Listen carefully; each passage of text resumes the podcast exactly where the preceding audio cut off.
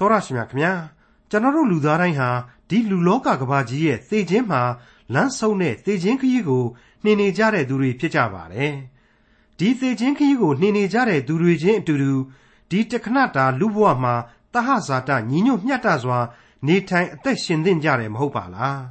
ဒါပေမဲ့ကျွန်တော်တို့ရဲ့လူလောကကြီးဟာအဲ့ဒီလိုမဟုတ်ဘဲဆိုးရုပ်ခြင်းများစွာနဲ့ပြည့်နေနေတာဟာဝမ်းနည်းစရာဖြစ်ရပါတယ်။ ထာဝရရှင်မြတ်စွာဘုရားသခင်ရဲ့အလိုတော်နဲ့အကြံအစီတော်တွေကိုစဉ်းစားနိုင်လောက်အောင်ညံမမီကြပြီမဲ့လို့ကိုယ်တိုင်ခံစားရတဲ့အရာတွေအတွက်ကိုယ့်ရဲ့ပတ်ဝန်းကျင်ကကိုယ်မိတ်ဆွေသင်္ကားတွေတခြားသူတွေခံစားကြရတဲ့အရာတွေအတွက်ဖြစ်စေဖယားရှင်ရဲ့အလိုတော်နဲ့အကြံအစီတော်တွေကိုခံစားစဉ်းစားရတဲ့စိတ်မျိုးရှိဖို့တော့လိုအပ်တယ်ဆိုတဲ့အကြောင်းဒီကနေ့တင်ပြရသောတမချန်းအစီအစဉ်မှာလေ့လာမှာဖြစ်တဲ့ခရိယန်တမချန်းဓမ္မဟောင်းကျမ်းပိုင်းတွေက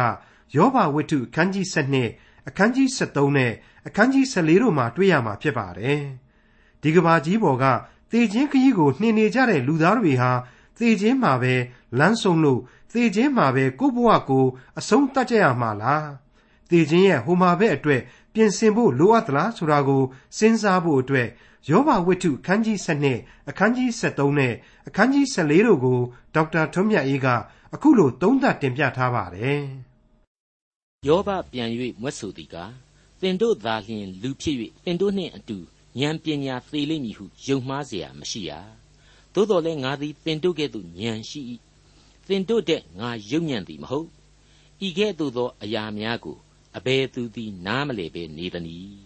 ။အခုကြားနာခဲ့ရတဲ့ကျမ်းကတော့ယောဘဝတ္ထုအခန်းကြီး7ရဲ့အငယ်1ကနေ3အတွင်းကဖော်ပြချက်ပဲဖြစ်ပါတယ်။ယောဘဆိုတဲ့ငါတို့မိษွေကြီးတော့ ဒုက္ခတော်တော်ရောက်တယ်လို့ကြားသဟိသွားရောက်အားပေးကြစို့ဆိုပြီးတော့လက်တွဲချီတက်လာခဲ့တဲ့ပုဂ္ဂိုလ်ကြီး၃ယောက်သူတို့ထင်တယ်လို့ဒုက္ခတော်တော်ရောက်တာမျိုးမဟုတ်ဘူးအရှင်လက်လက်ငရဲကြတယ်လို့အခြေအနေအကြီးအကျယ်ဆိုးပြီးတော့စုပ်ပြတ်နေတဲ့ယောဘရှိရှိသမျှအကုန်ပြုတ်ပြီးတော့ကွင်းခေါင်ခေါင်မှနံငယ်ပိုင်းကလေးပဲကြံခဲ့တဲ့ယောဘတကူလုံးအနှစိမ့်တွေဘလဘွားဖြစ်နေတဲ့ယောဘအနှစိမ့်တွေကိုမှအိုးချမ်းပဲနဲ့ဖွားဖွားချစ်ပြီးတော့ကုံယုံអော်နေရတဲ့ယောဘအဲ့ဒီယောဘဟာ သူ့ကိုသေလိုက်ပါတော့ရှင်ဆိုတဲ့စကားကလွဲပြီးတော့ဘာမှအာမပေးနိုင်တဲ့မိမနဲ့အတူတူပြာပုံမှာဆောင်းအောင်လေးထိုင်းနေတာကိုအားပေးမဲ့မိတ်ဆွေကြီး၃ယောက်ဟာအထိတ်တလန့်တွေ့ခဲ့ကြရပါတယ်အဲ့ဒီမှာတင်ခုနှစ်ရက်တိတိယောဘနဲ့အတူတူထတ်တူထတ်မြဝန်းနေကြောင်းအထိတ်အမှတ်ကိုယောပြီးတော့ပြတယ်ယောဘနဲ့အတူတူယောထိုင်းပြီးတော့မျက်ရည်တွေတွေ့တွေ့စီးကြလာခဲ့ကြတယ်စကားမပြောနိုင်မင်းနဲ့ငူရူငိုင်တိုင်ဖြစ်နေကြတယ်ပြီးတဲ့နောက်မှာတော့ ကိုယ်အုံနောက်အသီးအသီးနဲ့ကိုတွေးနိုင်သမျှအကောင်းဆုံးတွေကိုတွေးပြီးတော့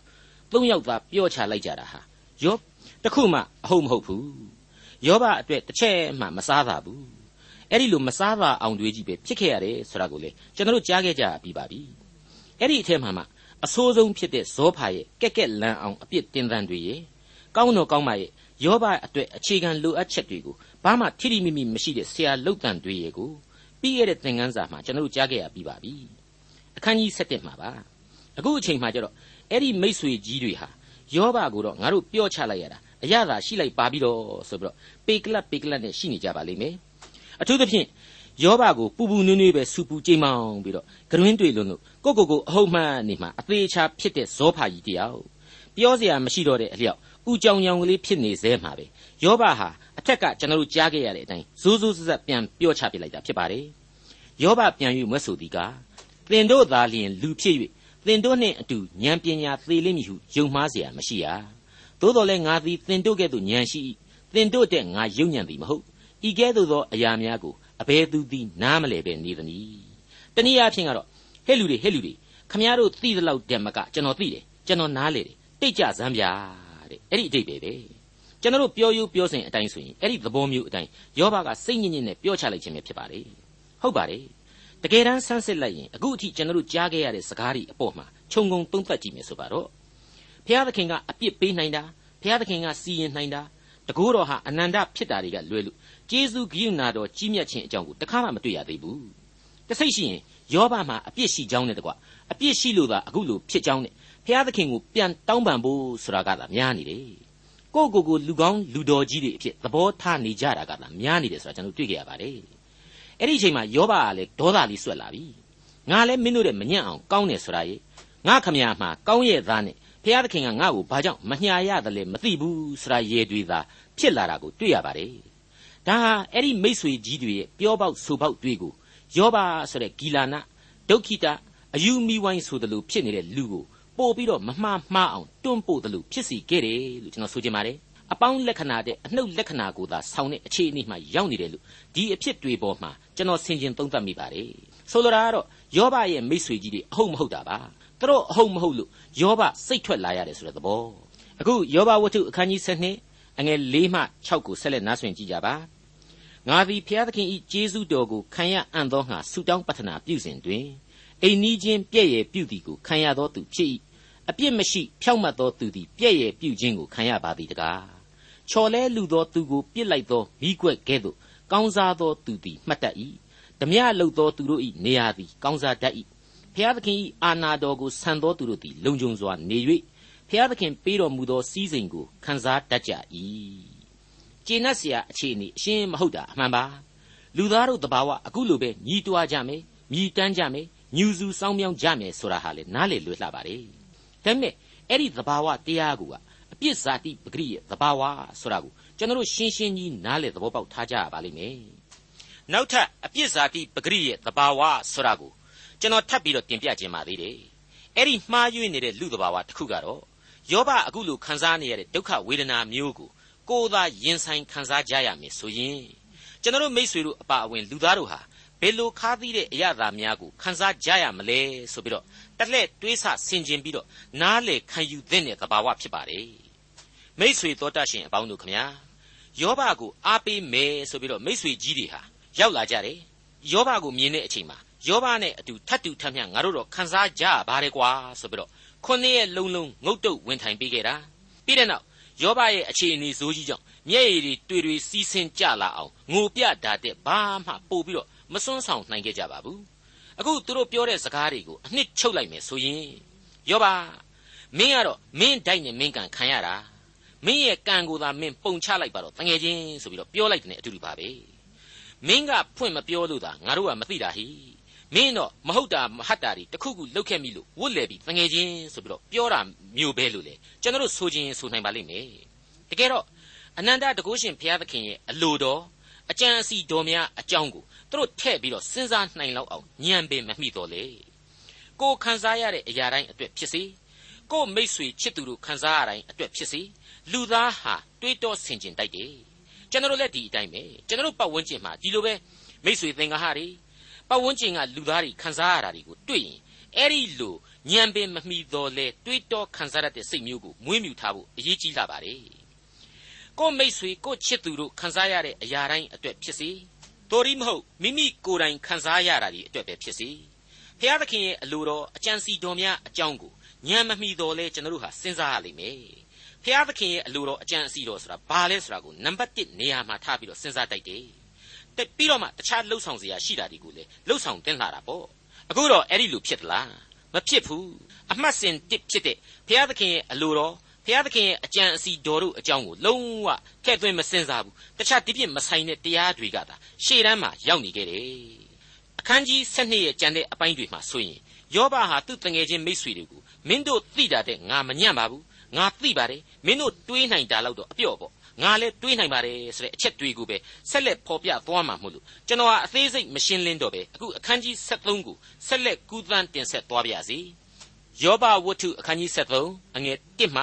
9ထိုအမှုအရာအလုံးစုံတို့ကိုငါမျက်စိသည်မြင်ပြီးငါနားသည်လည်းကြား၍နားလေပြီသင်တို့သိသမျှကိုငါသိ၏သင်တို့တဲ့ငါယုံညံ့သည်မဟုတ်အနန္တတကုရှင်အားငါလျှောက်ရသောအခွင့်ဖျားသခင်နှင့်ငါဆွေးနွေးရသောအခွင့်ရှိပါစေသောသင်တို့သည်တယောက်မျှမကျွင်းမှုသာကိုပြုပြင်တော်သူအသုံးမရသောစေသမားဖြစ်ကြ၏သင်တို့သည်စကားတခွန်းကိုမျှမပြောဘဲတိတ်ဆိတ်စွာနေကြပါစေ ထို့သောနေလျင်စင်စစ်ပညာရှိကဲ့သို့ဖြစ်ကြလိမ့်မည်ငါပြောမိအကျိုးအကြောင်းစကားကိုနားထောင်ကြပါလော့ငါနှုတ်နှင့်ဆွေးနွေးနှီးနှောမိစကားကိုနှလုံးသွင်းကြပါလော့သင်တို့သည်လစ်လျူသောစိတ်မရှိဘဲဖျားသခင်ဘက်၌ပြောကျင်သလောဖျားသခင်ဘက်၌နေ၍မှုသာကိုသုံးကျင်သလောယောဘဟာသူ့ရဲ့အသုံးမကျတဲ့မိษွေတငယ်ချင်းကြီး၃ယောက်တို့ကြောင့်ဘယ်လို့မှကိုယ့်ကိုယ်ကိုပြန်လဲပြီးတော့ခွန်အားတိုးတက်အောင်အားမယူနိုင်ရှာတဲ့အဆင့်ကိုရောက်ရှိသွားခဲ့ရပါတယ်။ ဒါကြောင့်လဲအခန်းကြီး9မှာတော့ကငါနဲ့ဘုရားသခင်ရဲ့ကြားမှာအမှုဆောင်အမှုဆောင်တော်သူသို့မဟုတ်ကိုစားကံကဲတင်ရှင်ဆိုတာသာရှိရင်ဘလောက်များကောင်းလိမ့်မလဲဆိုပြီးတော့တန်တန်တရညီးတွားမြည်တမ်းခဲ့တယ်ဆိုတာကိုကျွန်တော်တို့တွေ့ခဲ့ရပြီးပါပြီအမှန်တော့အနာဂတ်ကာလကဲတင်ချင်းကျေးဇူးတော်ကိုကယ်တင်ရှင်သခင်ခရစ်တော်အားဖြင့်ပေါ်လာစေဖို့အတွက်လူတ attva တို့ရဲ့သမိုင်းဟာအစဉ်တစိုက်လိုအပ်ခဲ့တယ်ဆိုတာကိုယောဘဝတ္ထုအားဖြင့်ဖော်ပြသွားခဲ့ပါတယ်အခုအချိန်မှာတော့ ယောဘဟာလူသားတို့အနေနဲ့အပြစ်သားလူသားချင်းဘယ်လို့မှမကယ်နိုင်ဘူးဘယ်လို့မှမဆယ်နိုင်ဘူးဆိုတာကိုသိနာလေစေပြီးတဲ့နောက်ဘုရားသခင်မှတပါအခြားဘယ်သူမှမကယ်နိုင်ဘူးဆိုတာကိုဝန်ခံလိုက်တဲ့အတူတူပါပဲဘုရားသခင်ကိုသာရှောက်ထားဆွေးနွေးရပါစေတော့လူသားတို့သည်အရှင်းအသုံးမကျသဖြင့်တိတ်ဆိတ်စွာနေလျင်အကောင်းဆုံးဖြစ်မည်ဆိုတာကိုထုတ်ဖော်ရင်ဖွင့်ပြောပြလိုက်တာပါပဲအဲ့ဒီလိုယောဘရဲ့စကားတွေဟာမှန်ကန်တဲ့တစ္ဆာတရားတွေကိုနားလည်စေတာနဲ့အမျှ သင်တို့သည်လစ်လျူသောစိတ်မရှိဘဲဖျားသခင်ဘက်၌ပြောကျင်သလောဖျားသခင်ဘက်၌နေ၍မှုသာကိုပြောကျင်သလောဆိုတဲ့သူ့ရဲ့မိကွန်းစကားရက်တွေဟာသူ့ရဲ့မိษွေကြီး၃ယောက်တို့ယက်တီချက်များတို့ဟာမှားယွင်းနေကြတယ်ဘုရားသခင်ဘက်ကနေတယ်ဆိုပြီးတော့အမှန်တကယ်ဘုရားသခင်အလိုတော်ရှိသောအရာတွေကိုမပြောကြဘူးဆိုပြီးတော့ဖော်ပြလိုက်တယ်တူနေပါတယ်မှန်ပါတယ်အဲ့ဒါဟာလူသားရဲ့အပြစ်သားလူသားအချင်းချင်းအပေါ်မှာအထောက်အကူမပြုတ်နိုင်ဘူး ကယ်တင်ရှင်ဂျေဇုကိုလူသားအချင်းချင်းမပြုတ်နိုင်ပုံတွေကိုရှင်းရှင်းကြီးမိမောင်းထိုးပြနားလည်စေပါတယ်ယောဘဝတ္ထုအခန်းကြီး73အငယ်8မှ14မျက်နာတော်ကိုထောက်လျက်သာဘုရားသခင်ဘက်၌နေ၍ညင်းခုန်စစ်တိုက်ခြင်းတလောသင်တို့ကိုကြက်တီးစွာစစ်တော်မူလျင်သင်တို့၌ကျေးဇူးရှိလိမ့်မည်လောလူကိုလှည့်စားတဲ့ကဲ့သို့ဘုရားသခင်ကိုလှည့်စားနိုင်သလောသင်တို့သည်လျှို့ဝှဲ၍သူ့မျက်နှာကိုထောက်လျင်စင်စစ်သင်တို့ကိုဆုံးမတော်မူမည်သ င်တို့သည်တကိုးအာနုဘော်တော်ကြောင့်မကြောက်ကြသလောကြောက်မဲ့ဖွယ်သောဂုံတော်ကြောင့်မထိတ်လန့်ကြသလောသင်တို့၏ဤဥပရိသစကားသည်မြေမှုန့်တဲ့သာ၍ပေါ့၏သင်တို့ခိုလုံသောမြို့ရိုးသည်လေသရွတ်မြို့ရိုးကဲ့သို့ဖြစ်၏တိတ်ဆိတ်စွာနေ၍ငါပြောပြရစေတို့ပြီးမျှအမှုရောက်ချင်တိုင်းရောက်ပါလေစေသို့တော်လဲငါသည်ကိုယ်အသားကိုပါဇက်နှင့်ကိုက်ချီလျက်ကိုယ်အသက်ကိုလည်းလက်နှင့်ကင်လျက်ဆောင်းသွားမည်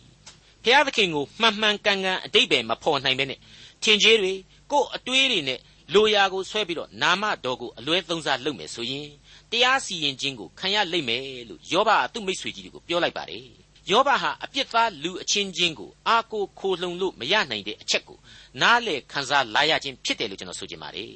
အငယ်ဆငါငါကိုတတ်တော်မူ၍ငါမျှော်လင့်စရာမရှိတော့လေရှေ့တော်၌ကိုအပြစ်ဖြေရာစကားကို ငါလျှောက်ထားမည်ဖျားသခင်ကိုအကျွင့်မဲ့ယုံကြည်ခြင်းဆိုတာကိုယောဘထင်ရှားအောင်ဖော်ပြလိုက်တယ်နဲ့အတူတူပါပဲ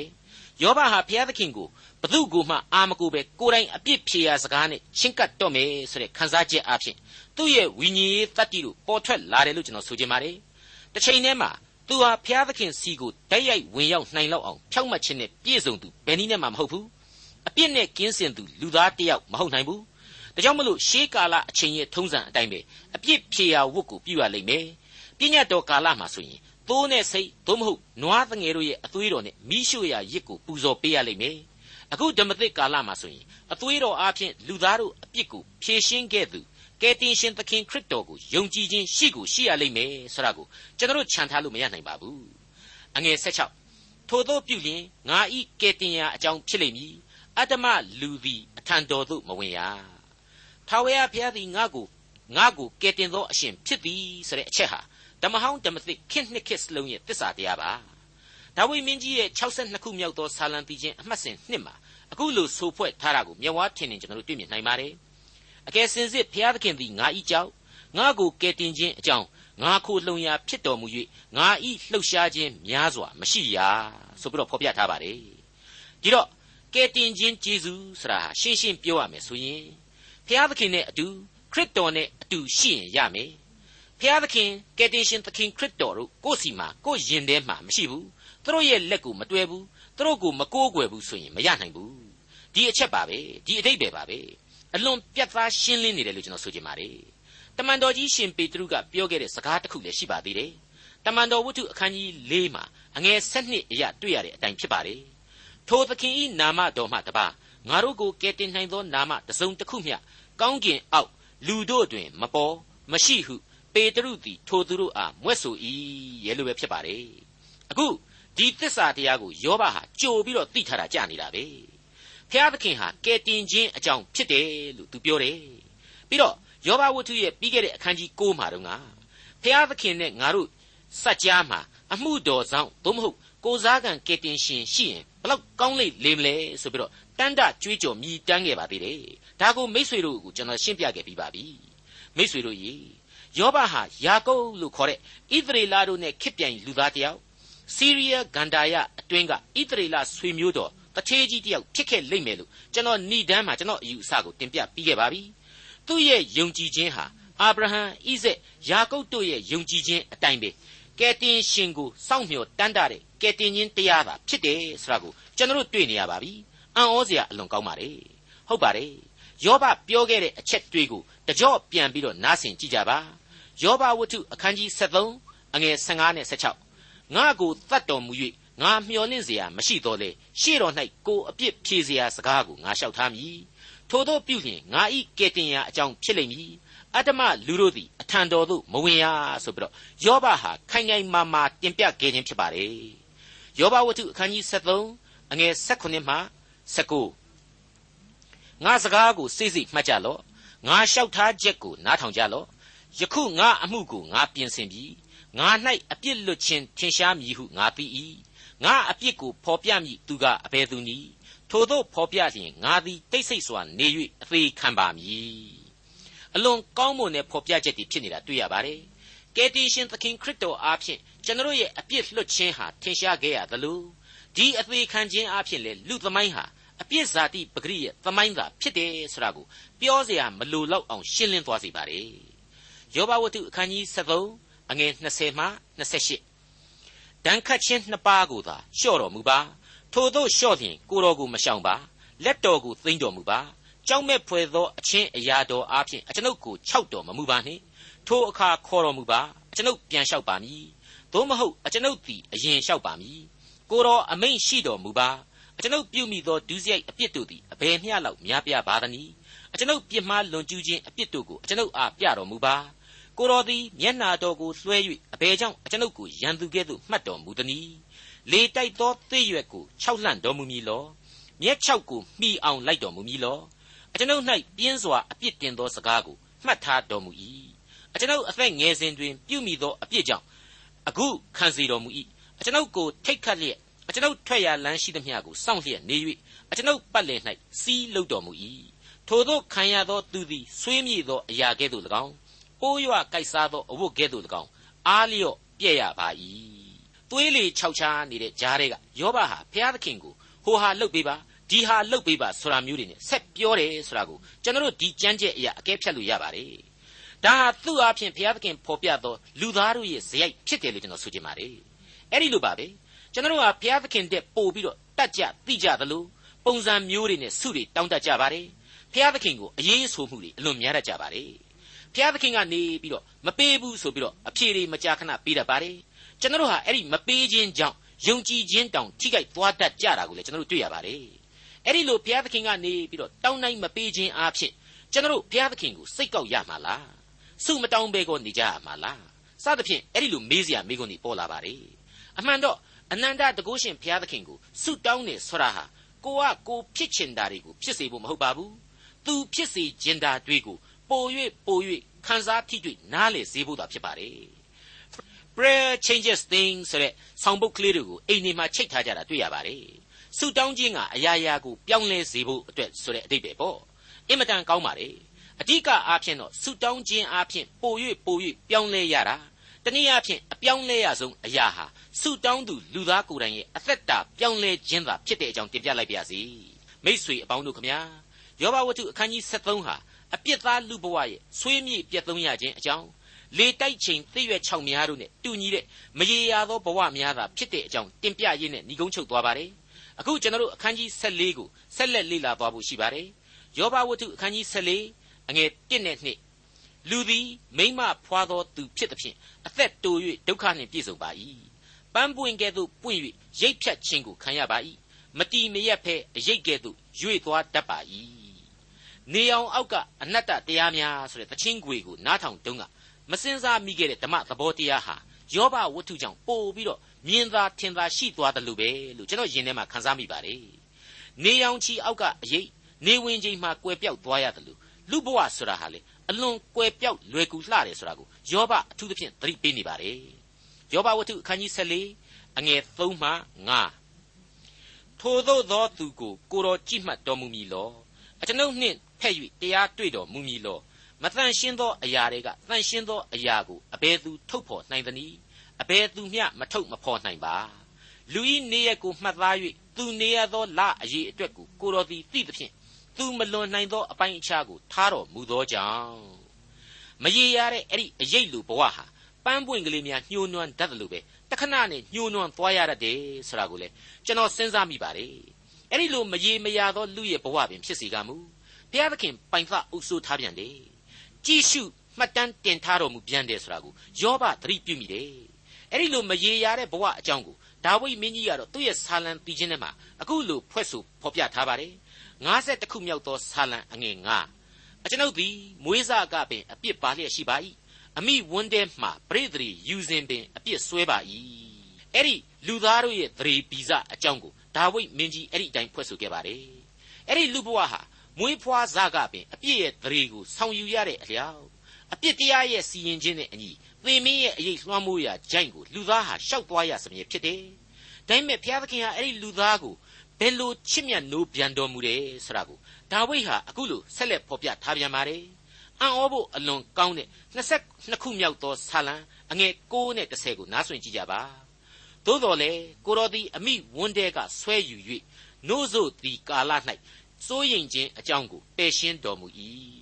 အကျွန်ုပ်သည်ဖွာကလေးကပင်လက်တော်သို့ရောက်ပါ၏အမိဝန်းတဲမှစ၍ကိုတော်သည်အကျွန်ုပ်၏ဖျားသခင်ဖြစ်တော်မူပါပြီတဲ့ဘ လောက်အံ့ဩဖို့ကောင်းလေမိษွေတို့အားလုံးကိုခြုံငုံစဉ်းစားကြည့်ကြပါမွေးဖွားနေ့ကစပြီးတော့လူတ attva ဟာသေခြင်းခရီးကိုနှင်းရစမြဲဖြစ်ပါတယ်အဲ့ဒီအချိန်မှာသေခြင်းပန်းတိုင်နောက်ကသာဝရအသက်အတွက်လေကယ်တင်ခြင်းတရားဆိုတာဟာအသက်တာကိုလမ်းပြသွားတယ်ဆိုတာကိုကျွန်တော်နားလေရင်တော့ဘဝဟာနေပြော်ပြီသေပြော်ပြီအဲ့ဒီအချက်ကိုကျွန်တော်ဟာသစ္စာတရားအဖြစ်ရင်ဝယ်ပိုက်ခံယူထားကြရပါလိမ့်မယ်ယောဘဝတ္ထုအခန်းကြီး14 အငယ်6မှ7မျက်စိတော်ကိုလွှဲ၍လူသည်သူငှားကဲ့သို့မိမိနေ့ရက်ကိုလွန်စေသည်တိုင်အောင်ငြိမ်ဝတ်ရသောအခွင့်ကိုပေးတော်မူပါတစ်ပင်ကိုခုတ်တော်လေအငုတ်အချီးစီးမရှိဘဲအတက်ပေါက်လေဥမည်ဟုမျော်လင့်เสียရှိ၏မြေထဲမှအမြင့်ဟောင်း၍မြေပေါ်မှအငုတ်သေးတော်လေရေငွေ့ကြောင့်အတက်ပေါက်၍ပြိုးပင်ကဲ့သို့အညွန့်တို့နှင့်ပြည့်စုံလိမ့်မည်လူမူကားသေ၍ဆွေးမြေ့တတ်၏လူသည်အသက်ချုပ်ပြီးလျှင်အပေမှရှိသနည်း အိုင်ရီပြတ်တဲ့ကဲ့သို့၎င်းမြေရီခန်းချောက်တဲ့ကဲ့သို့၎င်းလူသည်အိပ်ပျော်ပြီးမှနောက်တဖန်မထရမိုးကောင်းကင်မကုံမဆုံးမီတိုင်အောင်မနှိုးရအိပ်အပျော်မပြည့်ရအလွန်အလွန်စိတ်ပြက်ဖွယ်ကောင်းတဲ့ပြက်သုံးဆုံးရှုံးခြင်းတွေအကြောင်းကိုယောဘဟာပို့ပြီးတော့နားလေလာနေပါတယ်သင်္ခါရသဘောတရားတွေပါပဲအဲ့ဒီသင်္ခါရသဘောတရားတွေကိုကြည့်တွေးပြီးတော့ကြောက်လန့်နေုံနဲ့ရောဒီသင်္ခါရသဘောတရားကြီးဟာကွယ်ပြောက်သွားမှာလားမကွယ်ပြောက်ပါဘူး ဒီအတိုင်းပဲကျွန်တော်တို့ဟာပျက်စီးသွားကြပြီးတဲ့နောက်မျော်လင့်စရာမရှိတော့ဘူးလားဆိုတာကိုမေးစရာလိုလာပါတယ်အဲ့ဒီမျော်လင့်ချက်ကိုလေယောဘဟာဝိုးတော်ဝါမျှမြင်အောင်လာတာကိုဆက်ပြီးတော့ကြည့်ကြပါယောဘဝတ္ထုအခန်းကြီး14အငယ်73မှ76ကိုတော်သည်အကျွန်ုပ်ကိုသင်ချိုင်းတွင်း၌ပွက်ထားတော်မူပါစေအမျက်တော်မလွတ်မီတိုင်အောင်ကွဲကတော်မူပါစေအကျွန်ုပ်ကိုအောက်မေ့စရာအချိန်ကိုချိန်ချက်တော်မူပါစေလူသည်သေလျင်အသက်ရှင်ပြန်ပါလိမ့်မည်လော အကျွန်ုပ်ပြောင်းလဲခြင်းမရောက်မီပင်ပန်းစွာအမှုထမ်းရသောနေ့ရက်ကာလပတ်လုံးသီးခံလျက်နေပါမည်အကျွန်ုပ်ကိုခေါ်တော်မူပါအကျွန်ုပ်ပြန်လျှောက်လာပါမည်ကိုယ်တိုင်ဖန်ဆင်းတော်မူသောအရာကိုသနာခြင်းစိတ်ရှိတော်မူပါယခုမှအကျွန်ုပ်ခြေရာတို့ကိုကိုတော်သည်ရေတွက်၍အကျွန်ုပ်အပြစ်တို့ကိုစောင့်တော်မူ၏မိษွေတော်တတ်ရှင်အပေါင်းတို့ခမညာသေခြင်းတရားဆိုတာကိုလိုချင်တဲ့လူခံယူခြင်းတဲ့လူဆိုတာလောကမှာမရှိပါဘူး ခံယူခြင်းတဲ့ဆိုရင်တောင်မှရှင်ရတာတဲ့ကောင်းသေးတယ်ဆိုတဲ့အကောင်းရှုထောင့်ကနေပြီးတော့ပို့ပြီးတော့မြတ်တယ်ထင်လို့သာခံယူလိုခြင်းသာဖြစ်တယ်ဆိုတာကိုကျွန်တော်ဖော်ပြခဲ့ပြီးပါပြီအဲ့ဒီလူဘဝရဲ့ထူးဆန်းသောဇယိုက်အတိုင်းယောဘကိုယ်တိုင်တောင်မှသေခြင်းစောနန်းခဲ့ဘူးတယ်ဆိုတာဟာလေလက်တွေ့ဖြစ်ရအဖြစ်ကျွန်တော်မျက်ဝါးထင်ထင်တွေ့ခဲ့ရပြီးသားပါသေခြင်းတယ်ဆိုတဲ့ဂျားတွေကရှင်သန်ရတဲ့ဘဝ လူမဖြစ်ချင်ပါဘူးလို့ပြောနေရဲ့နဲ့လူဖြစ်လာရတဲ့ဘဝဆိုတာကိုလေယောဘရဲ့အသက်တာဟာသက်သေထူနေခဲ့ပြီးဖြစ်တယ်လို့ကျွန်တော်ဆိုချင်ပါတယ်ယောဘဟာအခုအပိုင်းမှာကျွန်တော်တို့လူသားအားလုံးအတွက်ပြဿနာမေးခွန်းကြီးတစ်ခုကိုထုတ်ပေးလိုက်ပါတယ်လူသည်အသက်သေးလျင်ရှင်ပြန်ရလိမ့်မည်လောအဲ့ဒီမိကွန်းပါပဲဒီမိကွန်းဟာသမိုင်းမှာအလွန်အဓိကကျတဲ့မိကွန်းဖြစ်ပါတယ်လူသားတိုင်းလူသားတိုင်းစိတ်ဝင်စားတဲ့မိကွန်းလည်းဖြစ်ပါတယ် ဒါကိုယောဘဟာအခုဆက်လက်ပြီးတော့ညီးတွားမြည်တမ်းရင်းနဲ့အဖြေကိုမပီမပြင်းပေးလာပြန်တာကိုအခုလိုတွေ့ရပါတယ်။ယောဘဝတ္ထုအခန်းကြီး14အငယ်19နဲ့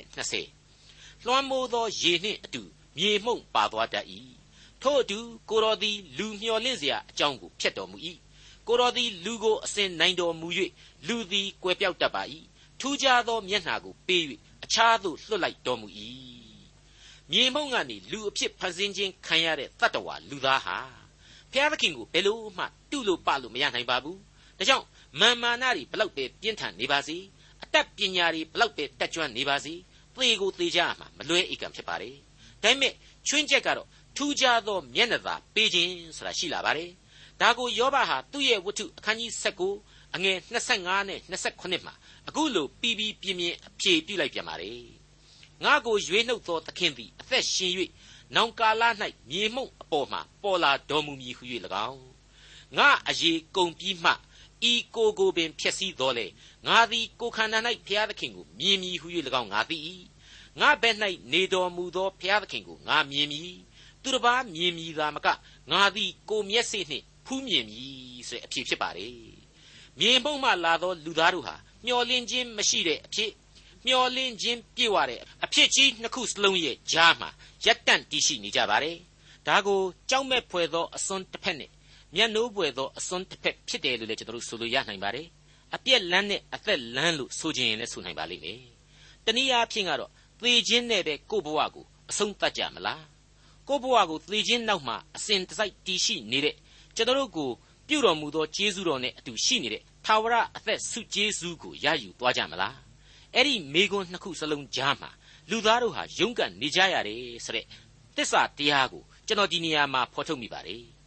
အဲ့ဒီလိုမိကွန်းတွေကိုယောဘဝတ္ထုသင်ခန်းစာတွေဟာရှင်းလင်းစွာနဲ့မေးမြန်းနေပါတယ်အလွန်နဲ့ဆိုင်တဲ့ဝိညာဉ်ရေးသင်ခန်းစာတွေကိုတန်ရှင်းသောဝိညာဉ်တော်ရဲ့လမ်းပြခြင်းအားဖြင့်သာရယူနိုင်မှာဖြစ်တဲ့အတွက်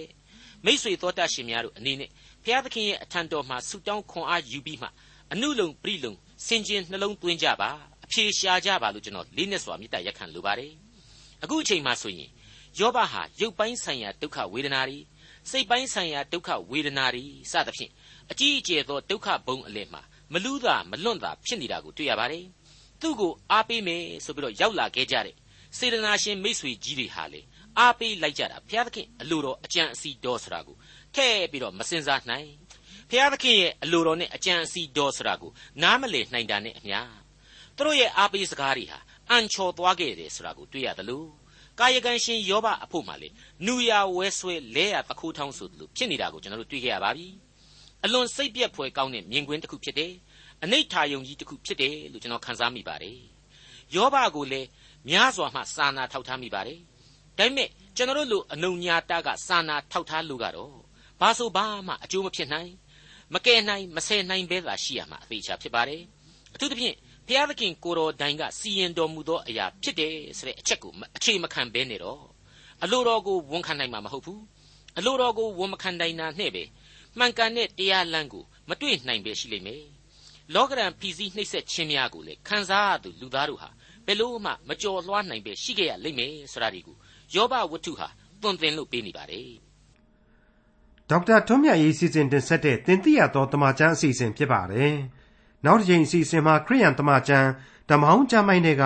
ယောဘဝတ္ထုအခန်းကြီး15နဲ့အခန်းကြီး16အခန်းငယ်1ကနေအခန်းငယ်9အထိကိုလေ့လာမှဖြစ်တဲ့အတွက်စောင့်မျှော်နားဆင်နိုင်ပါတယ်။